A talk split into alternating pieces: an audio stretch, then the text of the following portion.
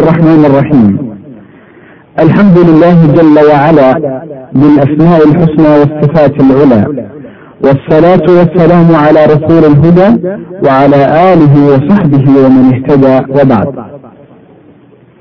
hay'adda islaamka ee gargaarka soomaaliya gargaar waxay idiin soo gudbinaysaa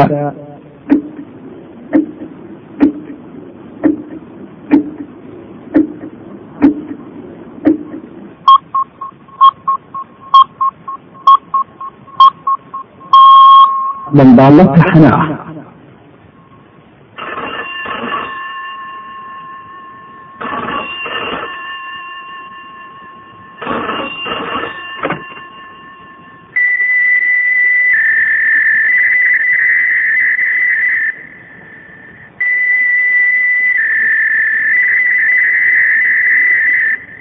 dambaalkii koowaad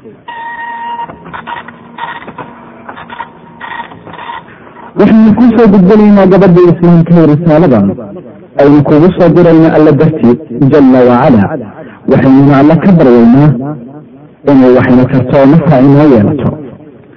waxaana kuu soo diray risaaladan hay'adda islaamka ee gargaarka soomaaliya gargaar. waxayna ku socotaa haweenka muslimadda ah meel iyo waa ay joogtada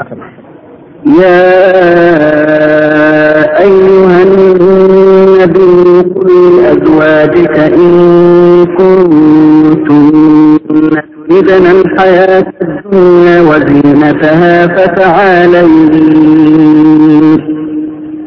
فتعالين أمتعكن وأسرحكن سراحا جميلا وإن كنتن تردن الله ورسوله والدار الآخرة فإن الله أعد للمحسنات فإن الله أعد للمحسنات كن أجرا عظيما والنبي حولتها بفضح haddii aad nolosha adduunka doonaysaan iyo quruxdeeda kaliya aan idin rado oo sii dayn wanaagsan idin sii daaya ah eh. haddii aad alla rabtaan iyo rasuulkiisa iyo daarta aakhirana alle samaanfalooyinkiina abaal weyn buu u diyaariyey. In alxamdu lilah naxmaduhu wanastaciinuhu wanastakfiruhu ونعوذ بالله من شرور أنفسنا ومن سيئات أعمالنا من يهده الله فلا مضل له ومن يضلل فلا هادي له وأشهد أن لا إله إلا الله ومحمدا عبده ورسوله أما بعد ولا شريك نبأ أهل مرتبي بنتي xaruntii dacwaday tiraduuladii mujtamacanay ogow inaan la korahayo oo ku sharfay oo uu kugu hanuuniyo diintan waa sidaas wallaahi. Nacam haddii qof dadka ka mid ahi uu leeyahay jawharad jawaahirta ka mid ah wuu ilaalin lahaa oo dowri lahaa wuuna ka fogeyn lahaa indhaha dadka iyo meesha xumaani ka soo gaaraysaba sidaa awgeed walaashay muslimadda ahayd alla wuu ku darajeeyey wuxuuna kugu xafiday sharcigiisa markaasaad noqotay jawharadii mujtamacan ee la dhowray nacam alla wuxuu soo dejiyey suuradan oo qur'aan ah oo la yidhaahdo suurat annisaa dumarka wuxuu kaloo soo dejiyey suurad la yidhaahdo maryam oo uu ku sarfay soona dejiyey suurad la yidhaahdo almujaadila. Wuxuuna kugu gaaryeelay kitaabkiisa dhexdiisa axkaam dowr ah. Waxaasoo dhan raggu waxba kuma lahayn haba ahaadeen kuwa si guud loola hadlaya haddaba adiga addoontii allahy adiga dalkadii diintahay adiga xaruntii dacwaday tusaalahaada iyo kudayashadaada waa khadiija binti khuwaylid. Allaha ka raali noqdee qalbigii u horeeyey ee rumeeyey risaaladii nebi maxamed sala allahu calayhi wasalam waxaynu kuu soo gudbinaynaa gabadha islaamkay oo aan kuu hidinaynaa dhammaankan aan kuugu soo dirayna alla dartii waxaynu alle ka baryaynaa inuu nagu anfaco. Sideedaynu ula hadlayn haweenka waana haweenka kuwii rumeeyey risaaladii maxamed sala allahu calayhi wasalam haweenka muslimadaahi waa haweenay caalimada tanada waa hooyadii mu'miniinta caaisha binti abubakar allaha ka raali noqdee xaaskii nabiga sala allahu calayhi wasalam tii alla wax fahansiiyey ee ahayd tii laga soo ceeb tiray toddoba sano korkood wuxuu ka geeriyooday nabiga sala allahu calayhi wasalam iyadoo sideed iyo toban jir ah sida ay tahayna waxaa ku fuday dhulka oy ka buuxisay cilmiga iyo aqoon. Waxay ku ahayd horyahan oo kor ka haysay in badan oo sunnada iyo axaadiista nabiga ah sala allahu calayhi wasalam oo ay u soo warisay facyadii dambe. Wuxuu yidhi zuhri mar uu ka warramayo caaisha haddii la soo ururiyo cilmiga caaisha iyo cilmiga dumarka kale waxaa badnaan lahaa oo fiicnaan lahaa cilmiga caaisha. Tanina waa gabadhii u dhalay saciid ibni musayib markii uu ninkeedii la aqalgalay isagoo ka mid ahaa xer cilmiga ka raacata saciid markii uu subaxii kacay oo dharkii sii gashaday. Isagoo raba inuu baxo bay ku tiri xaaskiisii xaggee aadaysaa oo rabtaa wuxuu yidhi waxaan aadayaa golihii saciid oo aan cilmi ka soo baranayo. Dabadeed waxay ku tiri fariiso anigaa ku baraya cilmigii saciid. Markaabuu ka helay oo ka bartay cilmigii uu ka barin jiray saciid. Allaha ka raali noqde ogow addoontii allaay ogow dhoortadii diintahay oo dhegaysa qisadan wuxuu yidhi curwa waxaan ahaa subax kasta. Markii waaga baryo. Kii ka bilaaba socodka guriga caaisha allaha ka raali noqde markaasaan salaami jiray subax subaxyada ka mid ah ayaan ku soo kan lahay saawaaba iyadii oo taagana tukanaysa oo akhriyaysa qowlka alle famana allahu calayna wawaqaanaa cadaaba asamiin markaabuu alla noo nicmeeyey oo inaga dhowray cadaabta holaca badan oo ducaysanaysa oo ooyeysa kuna celcelinaysa ducada ilaa aan ku daalay istaagii buu yidhi. Dabadeed waxaan aaday suuqii si aan iga soo qabsado xaajadaydii dabadeed waan ku soo noqday saa weligaa taagan tahay oo tukanaysa ducaysanaysaana. Haddaba hadday dumarka yihiin sida aan soo sheegnay fadli badan bay ka sidan lahaayeen in badan oo ragga ah. Waad og tihiinoo ma aha bugugeynta magaca qoraxda iyo in shams la yidhaahdo ceeb labnimada magaca dayaxuna iyo in la yidhaahdo hilaal uma aha ragga faan nin ayaa wuxuu yidhi waxaan u baxay maalin maalmaha ka mida suuqa waxaana ila socotay jaariyad xabashiyada waxaan joojiyey meel suuqii ka mid ah waxaana u kacay wax xoogay dana ah waxaan ku idhi gabadhii jaariyadda ahayd ha ka dhaqaaqin halkaas ilaa aan kugu soo noqdo. Waxaan imid iyadii oo ka tagtay meeshii waan carooday waxaanana u kacay xaggii guriga. Markii aan guriga galay ayay gartay cadada wejigayga saaran. Markaasay tiri weligaydiiow hayga degdegin waxaad la fariisisay. Meel aan ku arag wax alle xusaya. Dabadeed waxaan ka cabsaday in alla meesha nala gooyo wuxuu yidhi waxaan la yaabay hadalkeedii waxaanan ku idhi alla dartii ayaad xor u tahay. Waxay iigu jawaabtay suxun baad yeeshay waan kuu shaqaynayay waxaanana helaya laba ajar laakiin hadda midkood ayaa iga lumay wuxuu yihi abu cala assacdi waxaa jirtay gabar aan ilmo adoor ahayn oo la oran jiray bariira waxay ahayd mid ilaahay ka cabsata waxay aada u akriyi jirtay kitaabka qur'aanka. Ah markasta ay soo gaadho aayad sheegaysa cadaab way ooyi jirtay. Manaynan doonin jirin oohinta ilaa ay ka indhabeeshay oohintii darteed wuxuu yihi in adeerkeed inoo geeyo haweenayda aan oohinta qaar ka dhinna. Markay u soo galeen ayaa waxay ku yidhaahdeen bariira iska waran oo maxaad ku bariday? Waxay tiri martidaynu nahay joogta ardo qurbo waxaana sugaynaa marka naloo yeeri doono inagoo ajiibeyna waxaynana ku nari imisaad ooyeysay oo hintan ku indhatirtay. Waxay tiri haddii ay indhahaygu alla agtiisa ku leeyihiin khayr wax dhiba kuma hayaan. Wixii adduunka ku soo gaara haddayse alla agtiisa ku leeyihiin shar waxay kororsan doonaan oo hindiga dhibaata taa ka fara badan markaasay iska jeesatay markaasay qoomkii yidhaahdeen intay yaabeen ilkaiya allabaan ku dhaarane waxay ku sugan tahay waxaynan ku sugnayne walaashay muslimada ahayd kuwani waa dhowr tusaale. Ee walaalaha muslimadaha ah ee ah kuwa aad ku dayashadana leh. Bal ka sida ay ahaayeen iyo camalkoodii iyo hadalkoodii siduu ahaa iyo shaqadoodii walaashayay fiiri oo ku fiiri in la aqooneed iyo wax ku qaadasho xaalka ay ku sugan yihiin dumarka maanta jooga badankood ilmise iyo ilmise dumarka maanta jira ayaa u soo daadega suuqyada oo wareega leh iyadoo danka leh ama aan wax dan ahba ka lahayn. Balse waxaa laga yaabaa inay igu soo degaan waxaan qiimo lahayn oo xun waxaabase badan inta u socota fasahaad oo aan alla ka baqayn. Waxay qaarkood soo daadegaan iyagoo aan xijaabnayn iyagoo haddana islaam sheegan.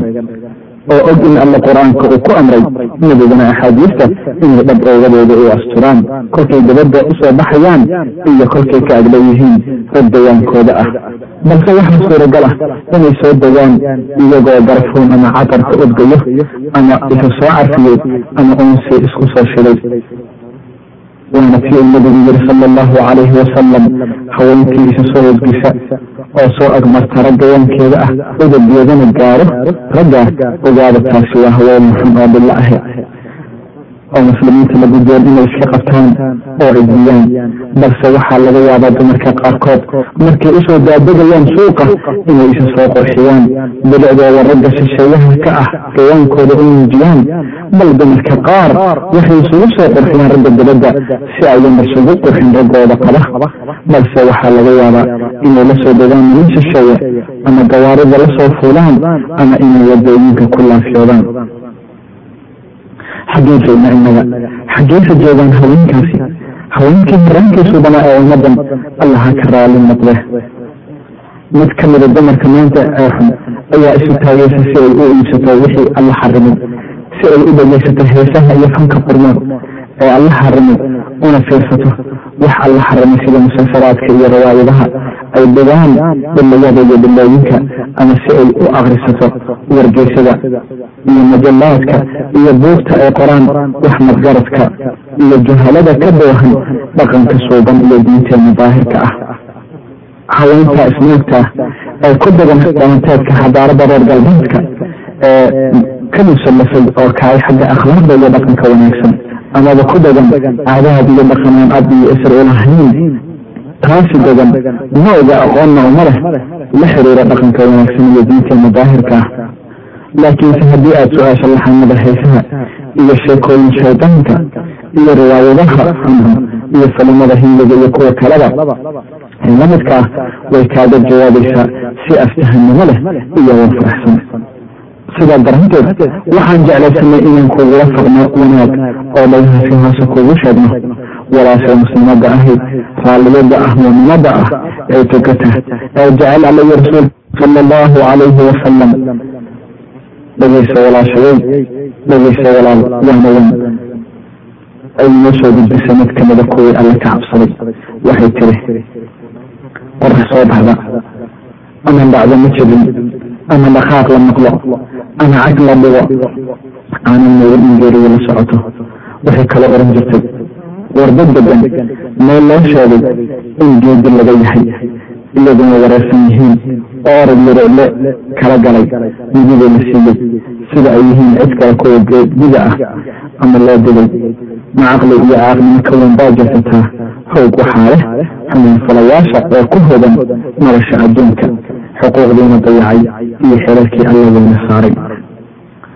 Waxaa lagu yiri ibraahim ibnu adham miyay wixii camaray dhulka dabadeed gacanta ayuu qabtay kii wax su'aalayay wuxuuna u kaxeeyey xagga xabaalaha wuxuuna ku yiri xaggan ayay ku jiraan wixii dhulka camiray waxaa la yiri daar ma jirto geerida dabadeed qofka uu dagayo aan ahayn kii uu dhistay geerida horteed haddii uu khayr ku dhisay daar wanaagsan baa u ahaatay. Haddii uu shar ku dhisay waxaa hooga kii dhistay. Walaalay hidaduuladii ummadanay marka fakarta moodkiisa karaadkiisa adeegiisa iyo qaraarkiisa geeridaa ugu filan qofka cibrad iyo waana qaadasho. Geeridaa ugu filan qofka cibrad iyo waana qaadasho. Moodku waa qalbi waa macaansi geeye waa dad kala geeye waa hawo jare marka fakartay walaasha muslimada ah addoontii allaw maxniyadii diintahay muhiimta dhimashadaada. Adigoo ka tegaya waasicnimada una guuraya ciriiriga eelka adigoo ka tegaya iftiinka una gelaya muddi daran oo gudcoor madow ah. Nacam daartii aad ku jirtay baad qabri ka gelaysaa waxaad ka tegi jeefkii iyo gobashii macaaniid iyo asxaabtii iyo ehelkii oo inta dheh laguga duubduuba baawilka lagu dhigi oo lagugu booday ciidii iyo doobadii qabriga meelaga soo tegey muxuu xaalkaagu noqon? Dadkay ku yimaadaan munkariga nakiir oo ay ku fariisiyaan ku weydiiyaan weydiino maxaad ku jawaabi doontaa? Aaway haasaawihii iyo heesihii dhegeysigii iyo daawashadii funkii qurmoona iyo rawaayadihii aaway roogtii iyo majamaadkii xuma ma waxbay tarayaan maxaad ka heshay xantii isku darkii dadka isqaawintii iyo xijaab la'aantii dhexgalkii ragga iyo wixii xumaa oo dhan ma waxbay kuu galan min wallaahi. Muxuu xaalkaaga ahaan adoontii markuu dhawaaqa israafiil oo la yeriyo diinka bal suurayso adigoo si argagax ah uga soo baxayo dhulka hoostiisa. Dhulkii oo dildirad la gelgelay buurihiina ridqad la ridqay indhahana dadka soo baxayaan. Cabsi iyo naxdin darteed codadkuna hoos noqdeen aadan naqlin waxaan hunno hunno ahayn. Oo qof waliba cabsida ku weynaato saqiirkii ciroolo noqdo naartana soo guuxdo jahafkii la galayna muuqdaan firaaqkiina yani goondaliina taago miisaankiina la dhigo xisaabkiina la bilaabo oo la keeno jahanama iyadoo lagu hogaamiyo toddobaatan kunoo xarig. Xarig walbaana ay hayso oo yeedayeen toddobaatan kun oo malag. وجيء يومئذ بجهنم. وجيء يومئذ بجهنم. وجيء وجيء يومئذ بجهنم يومئذ يتذكر الإنسان يومئذ يتذكر الإنسان وأنى له الذكرى يقول يا ليتني قدمت لحياتي فيومئذ لا يعذب عذابه أحد ولا يوجد عذابا أحد يا أيتها النفس المطمئنة ارجعي إلى ربك راضية مرضية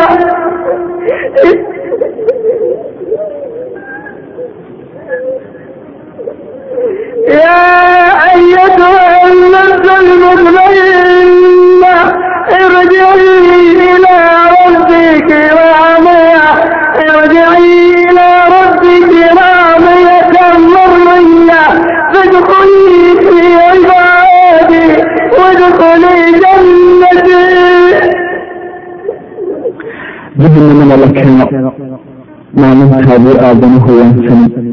oo maxay markaa waantoodada u tiri wuxuu dhihi hoodayoy maxaa nolosha waan dambe ee iyagu tambagta ah ugu shaqaysan waayey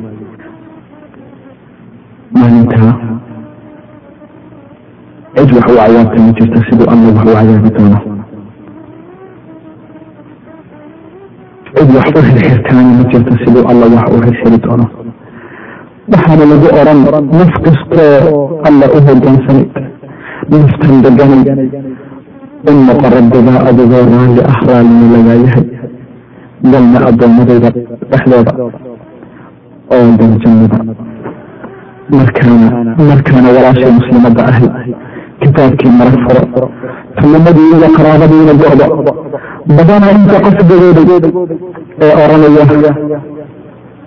Gaboogeyiyey badanaana inta mid garmadooda ah ee ku dhawaaqaya codkiisa u dheer hoogayey yahiina ay yaqiinsadaan faajirad iyo faajir kasta يوم هم بارزون لا يخفى على الله منهم شيء لمن الملك اليوم لله الواحد القهار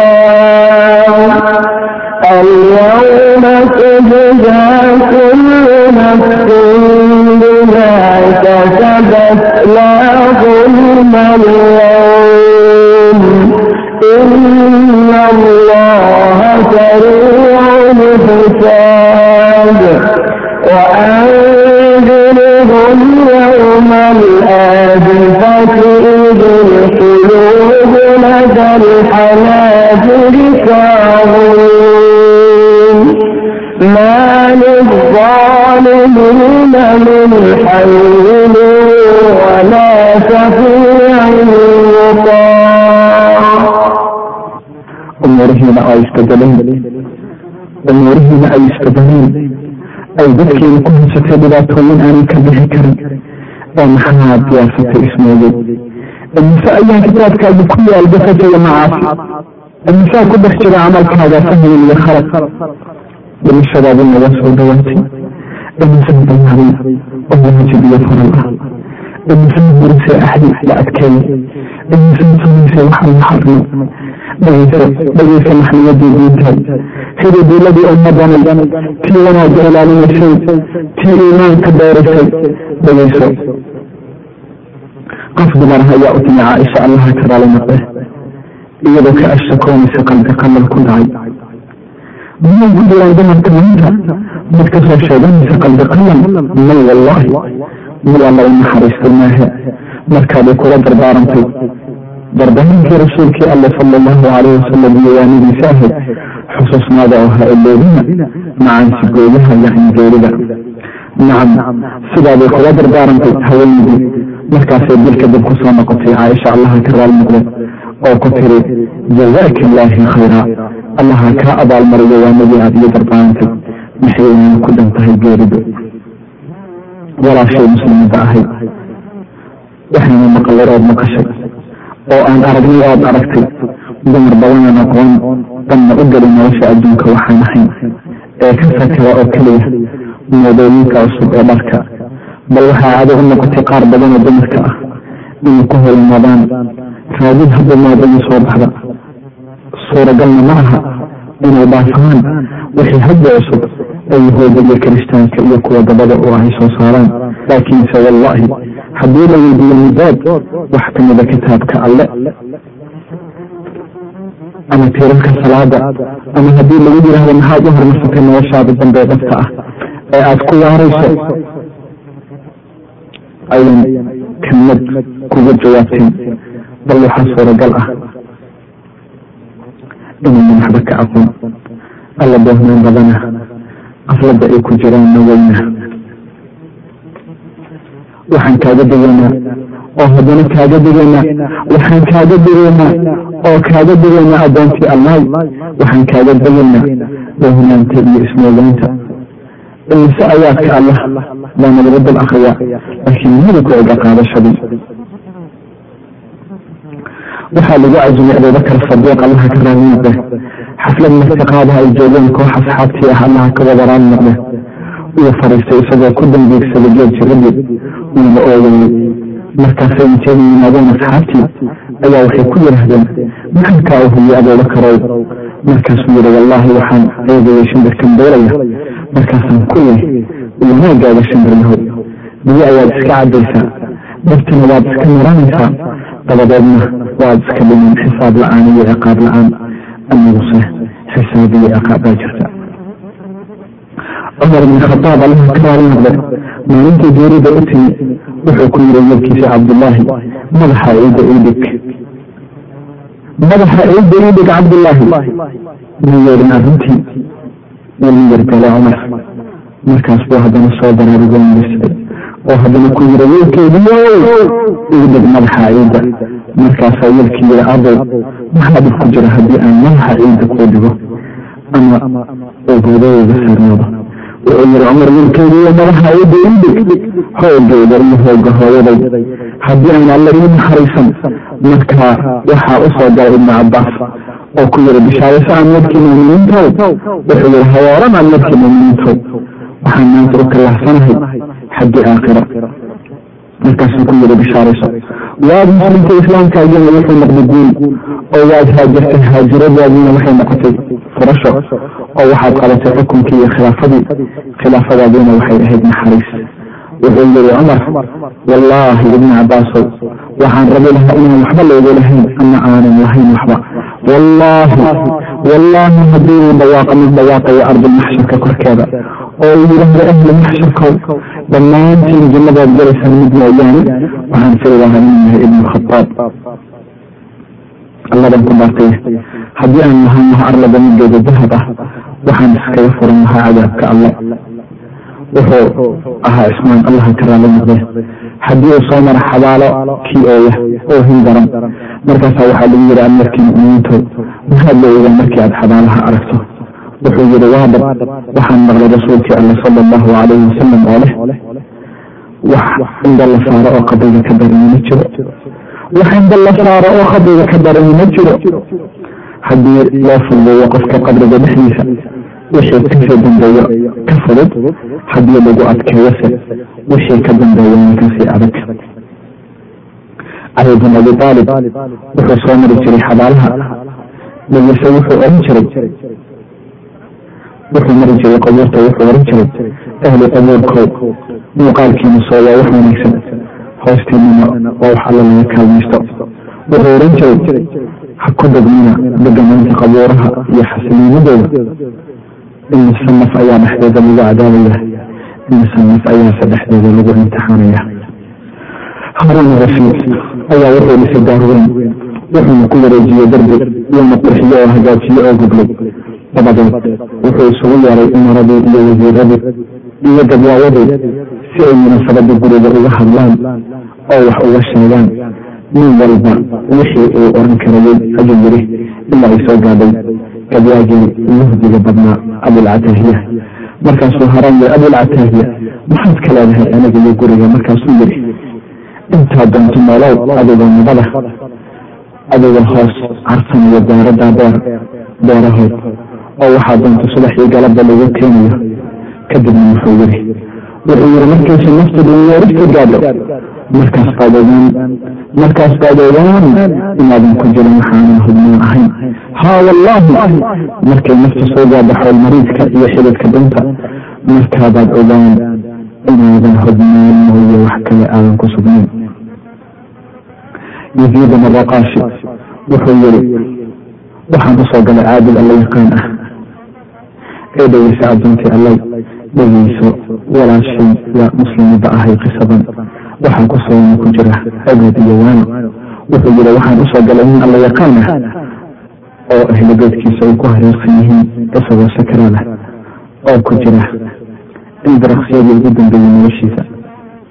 Wuxuu yiri waxa ooyey aabihii markaasuu ku yiri aabe maxaad la ooyeysaa wuxuu igu jeeday wiilkaygiyow waxaan la ooyaa waayitaankaaga iyo sakaraadka aad tahay. Markaasay ooyey hooyadii wuxuu ku yiri hooyo hooyadii naxariista iyo dhilminta balmeeday maxaad la ooyeysaa waxay tiri wiilkaygiyow waxaa igu oohinaya waayitaankaaga iyo sida aan u fakeri doono. Dabadeedna waxaa ooyey xaaskiisii iyo caruurtiisii intuu eega ayuu ku yiri maxaad la ooyeysaan waxay ku yidhahdeen waxaan la ooyeynaa waayitaankaaga iyo agoonta aan noqon doono. Wuxuu yiri farisiya dabadeed wuxuu yiri waxaan arkaa in dhammaantan aad u ooyeysaan adduunyadayda haddaba maydinku jiraa mid u ooyaya aakhiradayda mise idinku jiraa mid u ooyaya waxaan kala kulmi doono ciidda dhexdeeda mise idinku jiraa mid u ooyaya su'aasha munkar iyo nakiir waxaan ku jawaabi doono. Mise idinku jiraa mid u ooyaya is-hortaagayga alle subxaanahu watacaala dabadeedna wuu dhacay nafta ka baxday. Ka fakar oo ka fakar. Gabowgaaga iyo meesha laguu celinayo. Ka fakar aasitaankaaga lagugu aasayo ciidda dhexdeeda. Iyo meeshaad degeyso ee aada degananaysa iyo maalinta qiyaamo iyadoo hilibkeeda iyo nafahayada ay ciiddu qayb qayb u orantay cabdiraxmaan ibni yaziid wuxuu ahaa cabdilmalik ibni mirwan oo madaxweyne ahaa saaxiibkii. Markii uu dhintay cabdilmalik oo dadkii qabrigiisa ka noqdeen intuu iskortaagay cabdiraxmaan qabriga ayuu yiri waadiga cabdilmalik ee inta wax i ballan qaada aan ku rajaweyna oo haddaad quudisana baqi jiray. Waxaad waabalisatay adigoo aan mulkigaagii ka sidan waxaan ahayn ka fancad kumana lihin dhulka waxaan ahayn afar mudan oo ballaceedu yahay laba dhudun dabadeed wuxuu u laabtay wuxuuna ku dadaalay cibaadadii ilaa uu ka gaarinay aada u fiican. Ma waxaad mooday addoontii allah in dhimashadu fududahay sakaraadkuna sahal yahay. Waxay tiri caaisha markii ay nabiga u timid geeridu wuu yarbaaray markuu dhigirsaday ayuu wuxuu oranaya geeridu waxay leedahay sakaraad. Geeridu waxay leedahay sakaraad allah ayaa iiga kaalmay dhimashada dhibaatadooda marka fikirtay ciddada qabriga iyo ciriirigiisa oo jirkii camirnaa cadcad dhexdiisa ugu go'ayo marka fikirtay dhalarka maalinta qiyaamo iyo bidaheeda iyo miisaanka camalka ee cadaaladda loo dhigi doono waa adiga dheesha iyo cayaarta iyo dahoynta isaga jira ah geeridaadiina way kugu soo socotaa iyadoo siidid ruuxyar looga siidayo xubin kasta oo jirkaaga ka mid ah cid ku soo gurmadna aanay jirin. Oo jirkaaga ruuxda u dumin aanay ku soo celin. Markii ruuxda kaa baxdana indhahaada waa la gabooli lugahana laguu fidin. Madaxana yaraysa hor lagugu soo taagi. Markaasaa la gudujin diyaarintaada. Oo la keeni kafan iyo xamuud biyahana la soo ka waran addoontii allaay haddii aad taal gogashaa oad ku sugan tahay barkinta firaashkii ugu dambeeyey aad kaga duusatay adduunka iyo barkintii ugu dambeysay aada muhida ka barkato. Oo ay ku hareero joogaan aabbaha iyo hooyada oo ay ku hareero joogaan walaalaha. Oo ay ku hareero joogaan caruurtaada iyo ninkaada iyagoo kugu eedaya ilnaxaris aabba iyo aabbaha marti booqasho ah walaalo oodeyna guri tiiranyahan oo murugeyda maxdintaal adigoo sidaa ah oo xaaladan ku sugan. ay indhahaada soo ay indhahaada soo hormareen waayihii aada soo martay iyo xaalkii noloshaadii maalmihii aada ilmaha ahayd bal ka waran addoontii allah haddaad xaaladaa ku sugan tahay ood soo xasuusato wixii ku dhaafay cimrigaaga siday u dhaheen iyo siday ku mareen?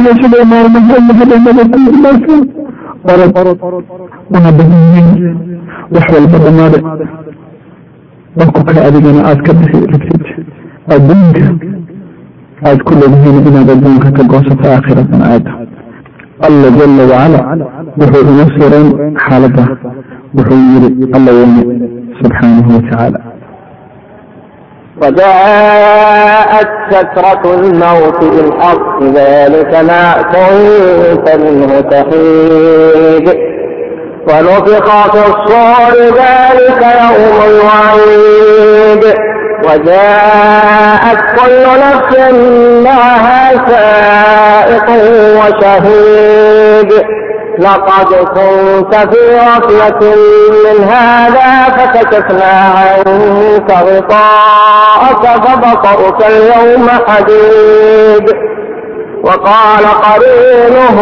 هذا ما لدي عتيد ألقي في جهنم كل كفار عنيد مناع للخير معتد مريب الذي جعل مع الله إلها آخر فألقياه في العذاب الشديد قال قرينه ربنا ما أطغيته ولكن كان في ضلال بعيد قال لا تختصروا لدي وقد قدمت إليكم بالوعيد ما يبدل القول لدي وما أنا بظلام للعبيد وهو يقول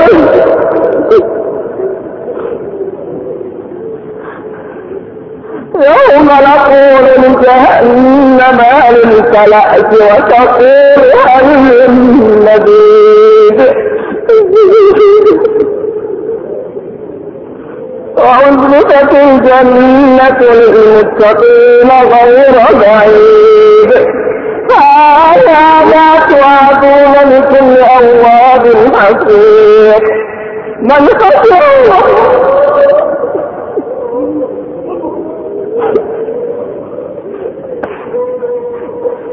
من خشي الرحمن بالغيب وجاء بقلب منيب ادخلوها بسلام ذلك يوم الخلود لهم لهم ما يشاءون فيها ولدينا مزيد يا حدا بنات كل جبجبدا adigu xamadan ku suganna addoontii allah baa waxaa yimid malka moodkii ma garanaysid waxa aada samayn caqligu isku darsado qalbigana isdhexyaaco cagihiina ay qaboobeen wuxuuna bilaabay inuu ruuxu xiido sidada ruuxdana ka daran oo ka xanuun badan bir madaxa laysaga garaaco ama jeedal adag oo la isku jeedaliyo bal ka xanuun badan oo ka daran minshaar qofka laba gobol looga kala dhigo. Waayo qofku wuxuu dareemaa xanuun markay jirku wax soo gaaraan dhibaato ah jirka oo ruuxda la xiriira darteed. Bal ka waran haddii marka laftii laftigeedii la siilayo addoontii allahy adigu xaaladaa ku sugan. Markii laga saaro naftaadii jirkaagii oo mayd xun noqoto aan wax nafsi a lagu arag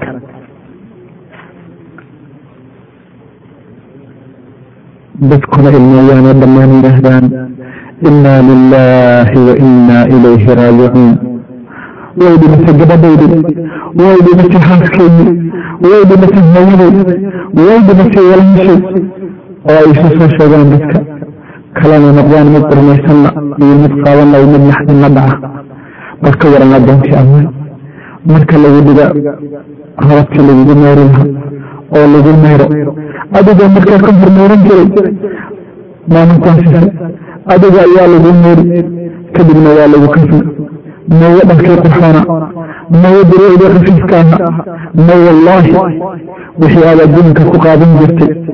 Waxba kaama raacayaan waxaad kala tegaysaa oo keliya. Mara dhowr matira ha kafan la yidhaahdo way ku kafna addoontii allah. Awalna waxaad ahayd sii labisata keligeed laakiin laakiin miya oo waxaa lagu dhex gelin kafantaa dhex gelin. Wayna ku sharfi wayna ku sharfi addoontii allahi magaran waxa lagugu sharfayo dhowr marimood oo xubnood ah oo ay si fiican u garanayaan mootida adiguna aada baran doonto. Maalin maalmaha ka mid ah kadib waxay ku oogayaan eegmadii u dambeysay eegmadii u dambeysay ayay ku eegayaan.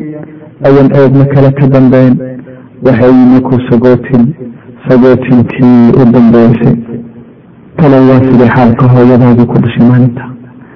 Intay kugu siday uurka waxay kugu siday uurka sagaal bilood iyagoo kugu soo dhibaatootay ku dhibaatootay tarbiyadaadii in badan. Haddii ay daal iyo cururi iyo culays tahanto waxay jireen wejigooda wanaagsan markaasay ka tegi jireen oo dhaafi jireen dhib iyo daal kasta ay garanaysay laakiinse maalintaa kadib fere kale ma jiro markaa kadib waxaa lagugu qaadi naxaskii miidka iyadoo ay ku sidaan afar qof ay ku qaadi addoontii allah waa lagugu tukan markaa ka hor adigaa tukan jiray way ku qaadi ay ku kahayn adigoo awal ka shaqayn jiray kadibna ma garan marka lagu geyn ma waxaa lagu celin gurigaadii ma wallaahi. Ma waxaa lagu celin arrintaadii ma wallaahi. Ma waxaa lagu celin idinkaadii iyo ninkaadii ma wallaahi. Waxay ku xambaari gaartii dambe waa kaaga dhammaatay minidii waxay ku geyn qubuurta intee iyo intee baa lagu aasay mowti way ku xambaari addoontii allaay way ku xambaari addoontii allaay oo ku kaxayn adigoo meyd xuna dhaqaaqayna. Aadana oranaynay. Kadib way ku dhigi qabriga. Waxay ku dhigi dadkaadii waxaana lagaa soo wada bilooyinkii oo qabuurtii iyo godadkii lagu keenay. Nuurkiibaa lagaa keenay. Oo mudbi gudar ah laga dhigay markaasaa markaasi markaasi laga dhigi ilka. Waxa ujaadada iyo hoos xibaaladaadi waxayna kuu dhigi oo kuu dirkin dirkin dhagaxa kadib waxay oran ka soo bixiya hebel iyo hebel qof oranaya ma jiro iisoo bixida gabadhaydi ama waa walaanshay keligaaday kaaga tirayaan meeshaa addoontii allah. Kadib waxaa soo baxaya labadii nin ee qabriga ku dhigay. Magaran kadib waxay kugu sameyn kadib waxay kugu boodi ciidda kadibna wax yar bay istaagi dabadeedna badarka kuu jeedin. Oo kaa tegi addoontii allah maxmiyadii diintaay xaruntii dacwadanay hididiladii ummadanay jawhartii mujtamacay tii islaamka dooraysay. Kheyr qabtagiyaay maxaad u hormarsatay aakhiro. Oo aad alla la hortegi dhegeysa hadalkan alla jala wacala todoba sano korkood ka yiri alla jala wacalaa wuxuu yidhi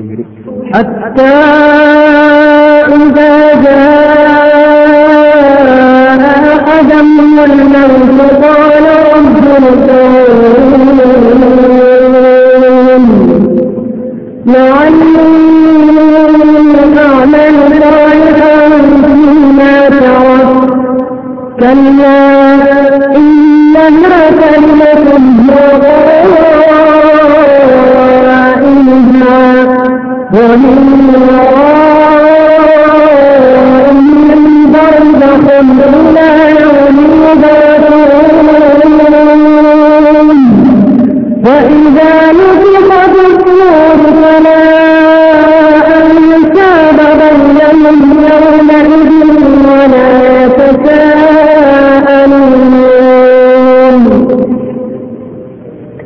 فمن ثقلت موازينه فأولئك هم المفلحون ومن خفت موازينه فأولئك الذين فأولئك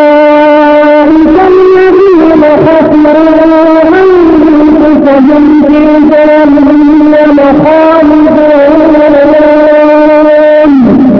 فلتكن جهنم النار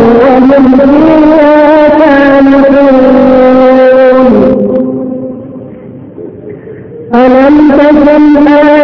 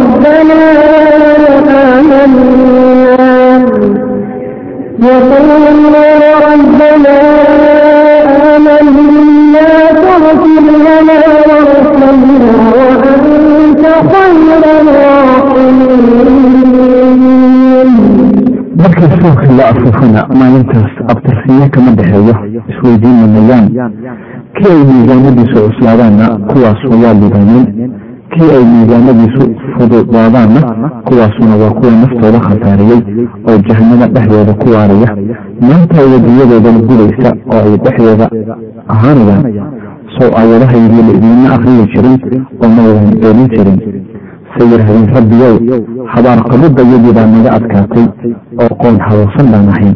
Rabbiyow naga saar haddii aan u noqonno annagaa daalimiin ah suu yidhi ku fogaada hana ila hadlina. Waxaa jiray qaar addoommadooda ka mid oo yidhaahda rabbiyow waa rumaynay ee noo dembi oo noo naxariiso adaa inta naxariisata u naxariis badan. Gabagabada risaaladan oo adiga kugu socota addoontii allah kadib markii aada ogaatay dhammaadka nolosha iyo ciribteeda waxaan doonaynaa inaan xusuusino naftayada adigana aan ku xusuusino addoontii allah waxa qofka uu la kaalmaysan karo ka gudubka sakaraadka moodka iyo mugdiga qaboorta iyo imtixaanka jira.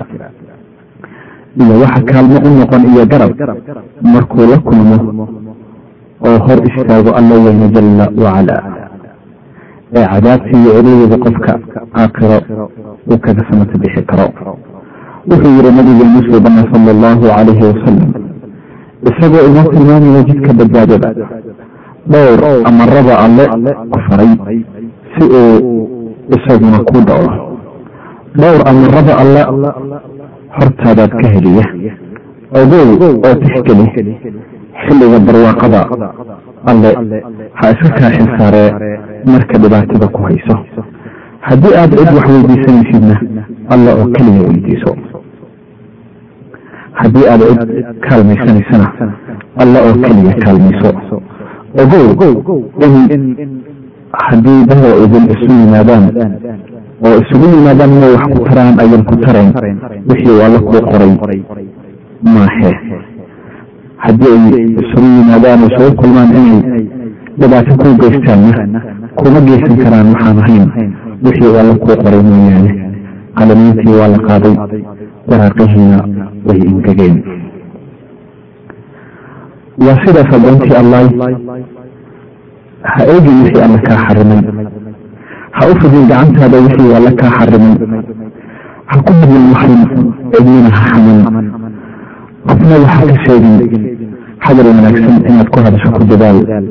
Codkaaduna ha gaabnaado oo hadalka naaga ah iyo ay iyo habaarka caruurtii walaalaha iska ilaali ha dhegeysan noloshii muslimadda ahi wixii alla xarimay sida xanta heesaha xun ee bilaysada iyo xiriirada xun qurxiya ee geerogeliya ha u muujin bilicda iyo quruxdaada waxaan ahayn ninkaada iyo kuwa aan ku geyin aan marnaba inay ku guursadaan u banaanayn sida wiilashaada aabbaha awowga walaalkaa la dhashay adeerka aabbaha la dhashay abtigaa hooyadaa la dhashay iyo wax la mid ah.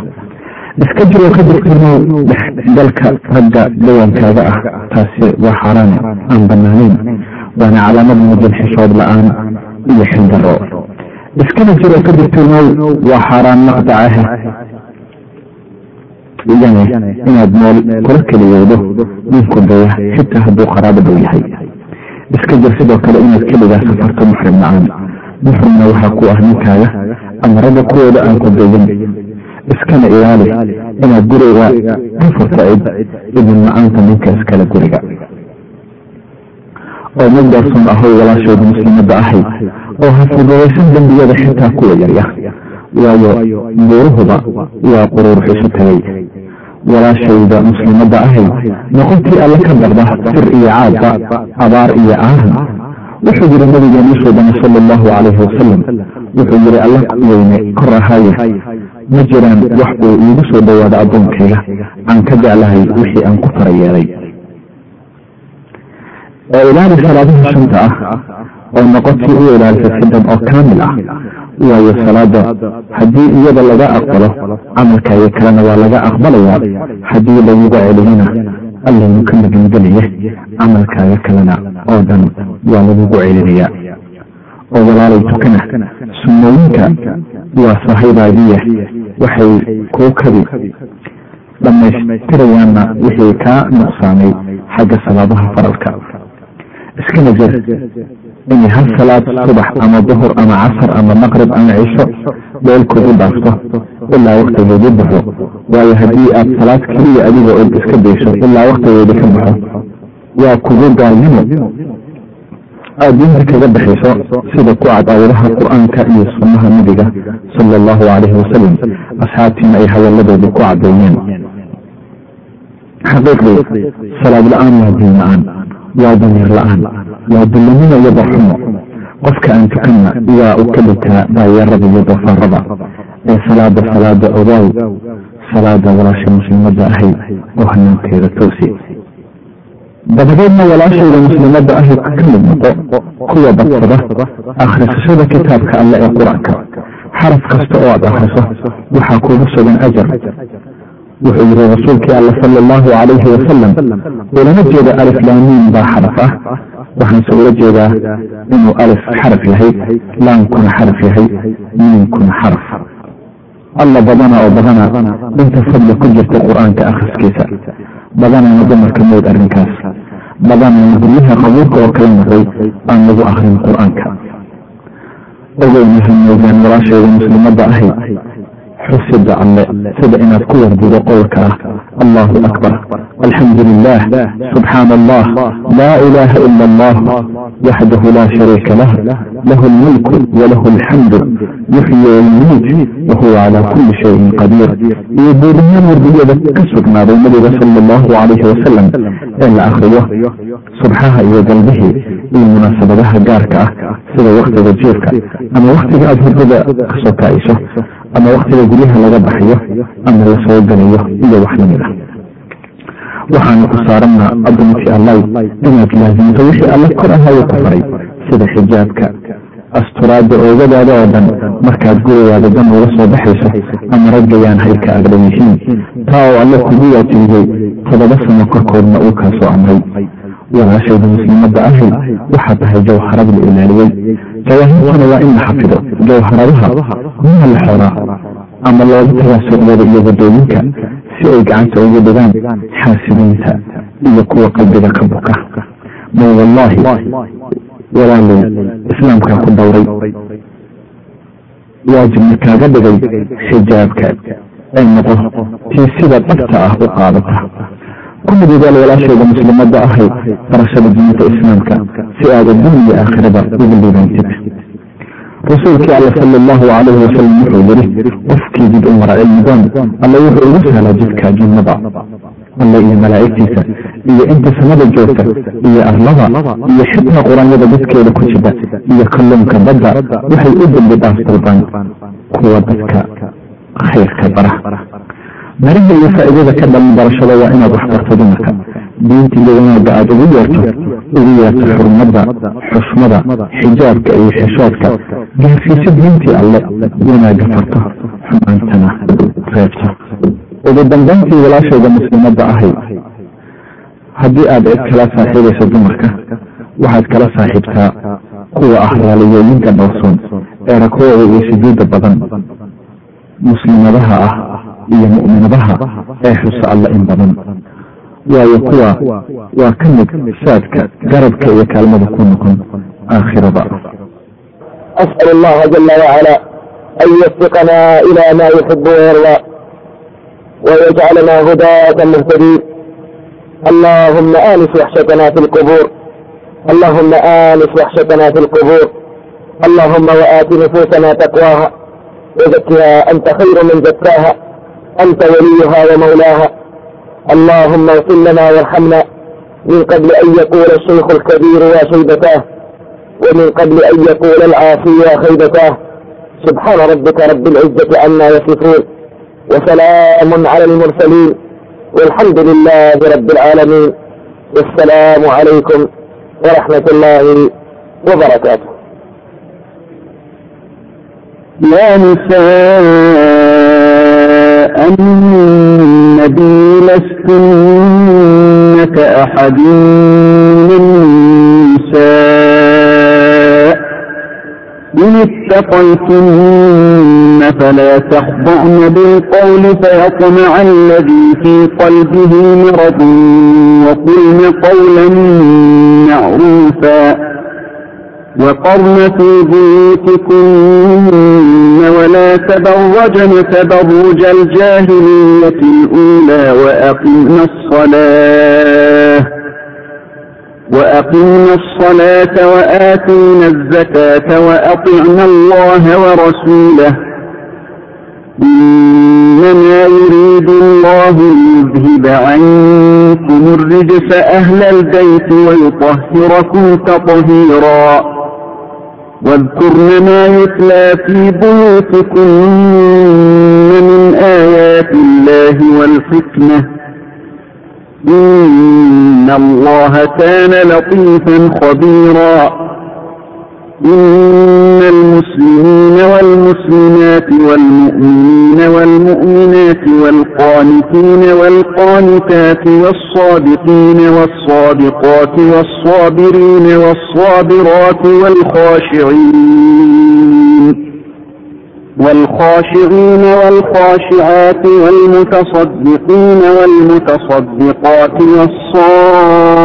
والصائمين والصائمين الناس والحافظين فروجهم والحافظين فروجهم والحافظات والذاكرين الله كثيرا والذاكرات أعد الله لهم أعد الله لهم مغفرة وأجرا عظيما وما كان لمؤمن ولا مؤمنة إذا قضى الله ورسوله أمرا أن يكون لهم الخيرة من أمرهم ومن يعص الله ورسوله فقد ضل ضلالا مبينا حوانك المدلول لم يجمعه مذ هوانك الكنبة ee alla ka cabsada ee hadalka hadabcinina yuusankan qalbiga ka bukaa hunguriyeene